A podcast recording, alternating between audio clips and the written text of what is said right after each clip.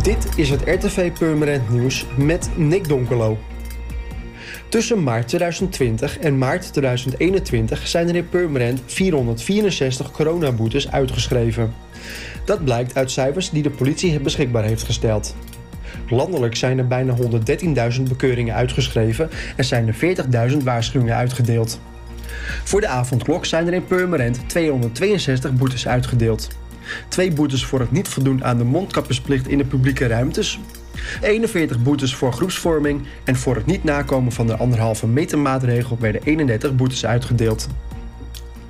Het gemeentehuis van de Beemster is vanaf vandaag een vaccinatielocatie voor huisartsen uit de regio. De leegstaande westvleugel van het gemeentehuis wordt ingericht als priklocatie. De vaccinaties gebeuren volgens de landelijke vaccinatiestrategie.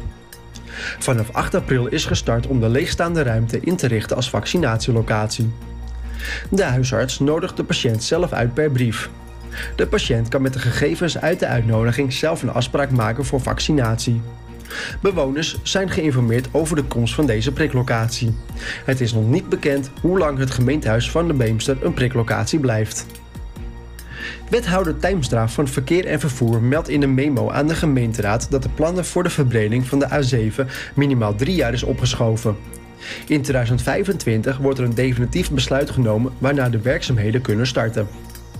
Voor Purmerend en de Beemster betekent dit uitstel van het verbreden van de A7 naar 2x3 rijstroken tussen aansluiting 4 Purmerend Zuid en aansluiting 6 Purmerend Noord.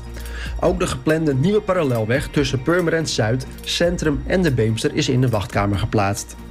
Voor meer nieuws, kijk of luister natuurlijk naar RTV Purmerend. Volg je onze socials of ga naar onze website. Dat is natuurlijk www.rtvpurmerend.nl